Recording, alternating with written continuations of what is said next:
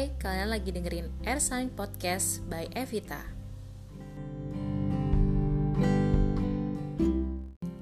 Kali ini gue bakal bahas soal how to control your ego and emotion.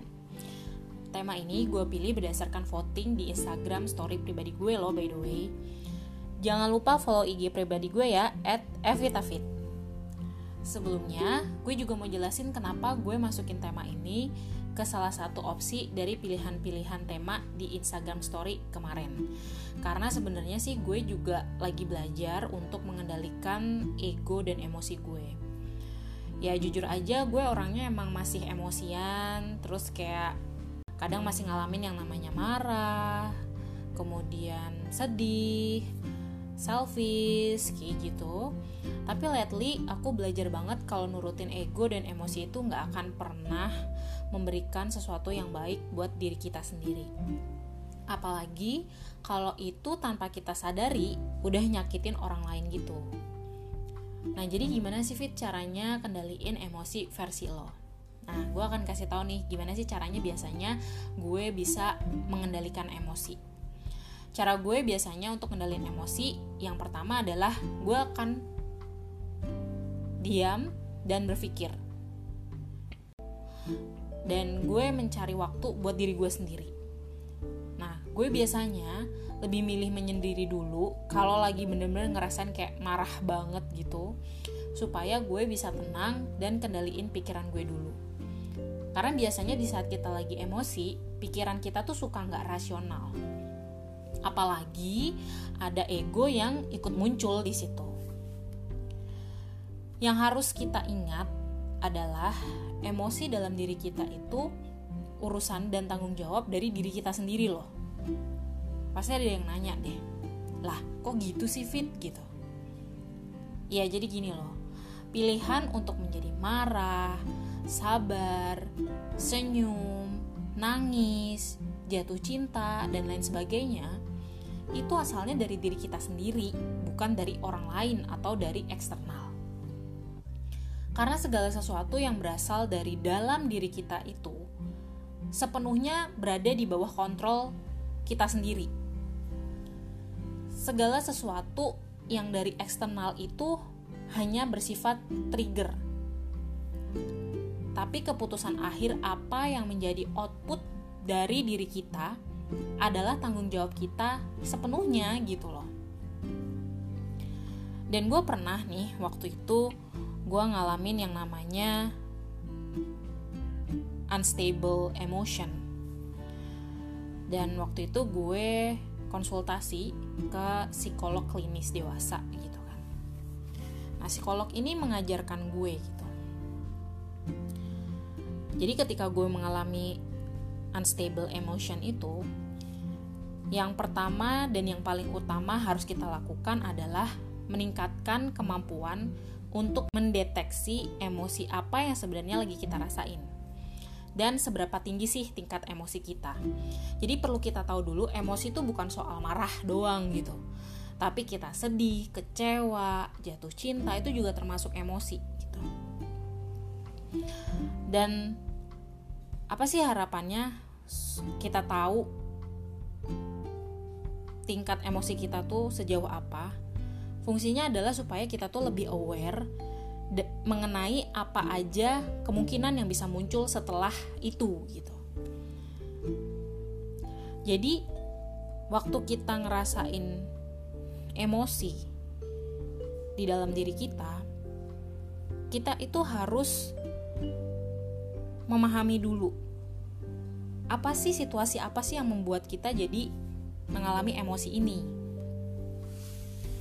Kemudian kita juga harus menganalisis dari 1 sampai 10 tingkat emosi yang kita rasakan itu sejauh apa. Ada di tingkat berapa kayak gitu. Misalnya nih, skala kita lagi ngerasain kayak kecewa gitu ya. Terus skalanya ada di angka 8. Nah, step selanjutnya kita harus apa? 8 ini kan dari 1 sampai 10 cukup tinggi ya, hampir mendekati 10 gitu. Yang pertama harus kita lakukan adalah self talk. Kita ngomong sama diri kita sendiri. Kondisi apa sih yang lagi kita alamin. Kita ngomong dulu sama diri kita sendiri, kenapa sih gue kecewa? Apa sih penyebabnya? Terus goalnya tuh gue pengen apa? Kayak gitu. Nah, kemudian kita harus membayangkan seperti traffic light. Ada merah, kuning, dan hijau. Nah, saat tadi kita mengukur tingkat emosional kita di angka 8, maka itu sudah masuk range lampu merah gitu. Jadi kita harus mengatakan stop sama emosi kita. Nah, ketika kita mengalami emosi yang sangat tinggi dan cara kita untuk mengontrol emosi kita adalah dengan mensugesti diri kamu sendiri. Katakan stop, katakan berhenti. Saya harus tenang dulu atau lain sebagainya seperti itu. Nah, kita juga harus tahu kita itu harus menggunakan kata-kata yang positif untuk menghentikan emosi tersebut. Kenapa sih harus kalimatnya positif? Nah, karena otak kita tidak bisa menerima kata-kata yang negatif. Contohnya, jangan. Itu adalah kalimat yang negatif. Karena kita ketika menerima respon yang negatif atau kata jangan, justru otak kita akan merespon hal yang sebaliknya. Sama seperti ketika kita melarang anak kecil manjat-manjat nih. Jangan dong, jangan naik gitu. Tapi apa sih yang dia lakukan? Justru hal sebaliknya. Justru dia malah naik gitu. Jadi kita harus memahami cara kerja otak kita juga. Itu yang pertama. Kemudian kalau kita sudah berhasil nih calm down. Nah selanjutnya kita menyalakan lampu kuning. Pada tahap ini, kita bisa mengambil waktu untuk berpikir lebih jernih dan kembalikan semuanya pemikiran kita berdasarkan fakta supaya kita kembali rasional lagi. Misalnya tuh kayak gimana sih? Misalnya dengan apakah dengan cemas seperti ini dampaknya akan memberikan hal yang positif sama diri aku? Tentu jawabannya enggak dong kemudian bagaimana sih cara yang terbaik untuk menyikapi situasi saat ini? Jadi ketika lampu kuning ini dinyatakan bukan dinyatakan ketika lampu kuning ini nyala gitu kan ibarat ilustrasinya itu justru kesempatan kita untuk berpikir selanjutnya harus seperti apa. Karena kita sudah tenang kita sudah calm down kita harus memikirkan step selanjutnya adalah how to solve this problem gitu jadi kita lebih rasional lagi dalam berpikir kemudian setelah itu take a deep breath tenangkan diri kita dan kita harus terus mencoba menentang semua pikiran negatif yang ada dan yang muncul. Emang hal-hal tersebut tuh nggak gampang sih. Waktu gue dikasih tahu gitu juga kayak, aduh susah banget sih gitu kan. Ya emang kita harus terus mencoba untuk latihan, latihan untuk mengendalikan diri kita. Nah, setelah lampu kuning, kita mensimulasikan ke lampu hijau. Maksudnya adalah kita bisa mengambil tindakan yang lebih baik dengan konsekuensi positif yang lebih baik juga karena kita kan sudah berpikir secara rasional ya tadi harus seperti apa, gimana setelah ini, gimana mengendalikan pikiran kita sendiri. Kemudian setelah kita tahu apa yang harus kita lakukan, kita nyalakan lampu hijau dan kita melakukan apa yang sudah tadi kita pikirkan, apa yang tadi sudah kita putuskan untuk lakukan setelah itu. Nah, tapi nih, tantangan terberatnya adalah di lampu kuning, saat kita berusaha keras untuk mematahkan pikiran negatif, maka kemungkinan besarnya adalah akan muncul pikiran-pikiran negatif lainnya. Kalau kondisi itu datang, yang perlu kamu lakukan adalah take a deep breath again. Kalau semakin parah, kamu harus kembali ke lampu merah bukan lampu merah di jalan maksudnya ya maksudnya kembali ke step lampu merah yang tadi kita sebut di awal kita harus tenang dulu kita harus mengatakan stop berhenti. Udah jangan stres dulu jangan kecewa dulu jangan marah dulu.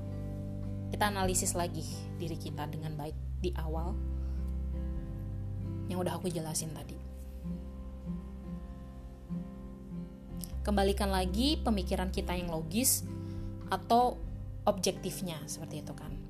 Misalnya apa itu sudah terjadi apakah yakin akan terjadi kemudian apa sih alasannya itu bisa terjadi kayak gitulah kira-kira karena karena secara prinsip kita itu harus memikirkan bahwa apa yang kita pikirin baik itu pasti akan terjadi, akan terwujud gitu. Jika kita terus berpikir bahwa kita akan gagal, maka kita akan cemas. Nah, kecemasan ini yang membuat kita gak bisa konsentrasi sepenuhnya sama penyelesaian masalah, sama hal-hal yang lebih positif.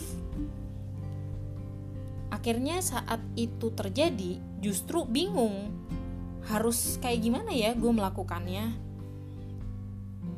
akhirnya bisa berpotensi untuk membuat Anda jadi bener-bener gagal. Jadi yang harus kita kembangkan adalah melatih diri untuk berpikir positif dan tenang pastinya.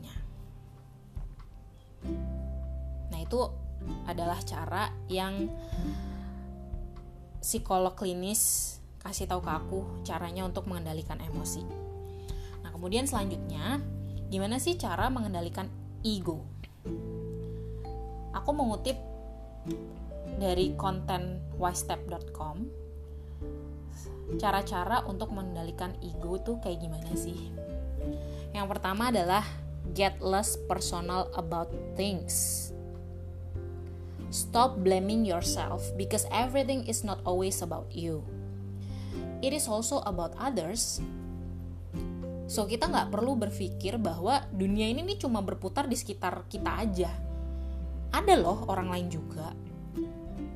We have to learn to be at peace with yourself. Kemudian selanjutnya, yang kedua, accepting your mistake. Not only you do mistakes. We all we all do mistakes. So forgive yourself so you can control your ego and your anger. But being stubborn and selfish about it, it's not a good thing. You should keep in your mind. Stop your false ego from controlling your life. Jadi kita harus belajar untuk memaafkan dengan cepat orang lain, terlebih lagi diri kita sendiri. Jika kita berlarut dengan kesalahan, maka secara nggak sadar kita tuh udah sia-siain waktu gitu. Jadi kita harus fokus sama penyelesaian masalah dan pengendalian diri. Kemudian yang ketiga, stop being afraid of looking silly. Jadi nggak masalah deh terlihat bodoh di depan orang lain. Jangan jadi orang yang terlalu perfeksionis. Karena Tuhan menciptakan manusia itu dengan segala kekurangannya. Yang sempurna itu cuma Tuhan. Salah satu kesalahan terbesar orang yang egois adalah takut terlihat memalukan atau bodoh di depan orang lain don't worry about looking dumb so the key way to becoming less egoistic is by being less afraid of such silly feelings. It is only created by your way of thinking. Yeah, it sometimes. Kemudian yang keempat adalah don't feed your ego. Ego kamu tuh nggak perlu makan, jadi jangan dikasih makan. Know that ego never dies Ego adalah salah satu pengendalian diri kita dan banyak dari kita yang dikendalikan sama ego dibandingkan sama logika kita dan akal budi. Banyak orang yang akhirnya jatuh hanya karena egonya aja gitu. Dan itu termasuk saya dulu. Saya juga pernah mengalami hal tersebut. With time you must realize that ego is something that is not going to die ego gak akan pernah mati. It will always there in some form or the others. It will allow you to hurt someone you care about just because you have the right to show that you matter. In other words, knowing that ego will never die can really help you overcome the feeling. Be honest with yourself, then you will honest to other. Simple. Simple banget. Cuma susah. Yang kelima, knowing that you aren't the best. Jadi kita tuh bukan yang terbaik. Kalau istilah nyelenehnya di atas langit masih ada Hotman Paris. Jadi nggak usah merasa diri lo yang paling perfect lah. Dan kita harus menyadari bahwa kita semua ini memiliki batasan loh. Dan kita harus menyadari hal tersebut Gak cuma kamu yang punya kekurangan, orang lain juga. Dan gak cuma kamu doang yang sempurna, orang lain juga punya kekurangan. Begitupun dengan orang lain, mereka tuh gak sempurna dalam segala hal, sama seperti kita. Jadi kalau kita melakukan kesalahan sesuatu, ya sudah, terima aja kesalahan kita tersebut. Stop blaming yourself or blaming others. No way. You don't have to be hard on someone because they can't and you can't, or vice versa. I personally think half of your ego problems will be solved if you just accept certain things, and this will take you a very long way. Selanjutnya, yang keenam, be thankful for the little things you have. Kita harus belajar bersyukur atas apa pun yang kita miliki saat ini. Apa pun itu termasuk sesuatu yang sangat-sangat sederhana. Misalnya apa? Nafas kehidupan. Misalnya apa? Pekerjaan yang kamu punya saat ini walaupun kamu nggak suka banget sama kerjaannya. Kamu harus bersyukur. Karena banyak orang di luar sana di saat pandemi yang kayak gini justru dirumahkan dan mereka nggak tahu harus ngapain What I want to say is, once you begin to become a humble person, you will also give more way for your ego to melt.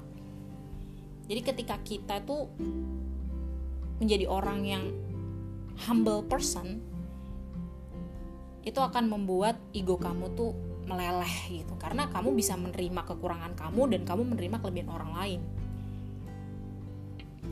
Yang ketujuh, compliment others. Apa sih sebenarnya fungsinya memuji orang lain? Fungsinya itu adalah karena dengan mengakui kelebihan orang lain, maka kamu bisa belajar untuk menganggap your ego problems don't exist for just a bit. Biarkan orang lain itu tahu betapa cantiknya dia, betapa tampannya dia, atau betapa hebatnya dia. Tips yang terakhir, always remember that being humble and less egoistic has so many benefits. Being full of love and less anger is always a great way to overcome feelings like this. And that it feels great when someone reach out to you for help. Sebagai penutup, aku cuma mau pesan Don't let your ego and your emotion consume you. Destroy your ego before it destroys you. You are the captain of your own ship. Don't let anyone else take the wheel. Semoga apa yang gue share tadi bisa membuat diri kalian menjadi lebih baik. Sampai ketemu lagi di episode selanjutnya. Stay safe and have a good life. See you. thank you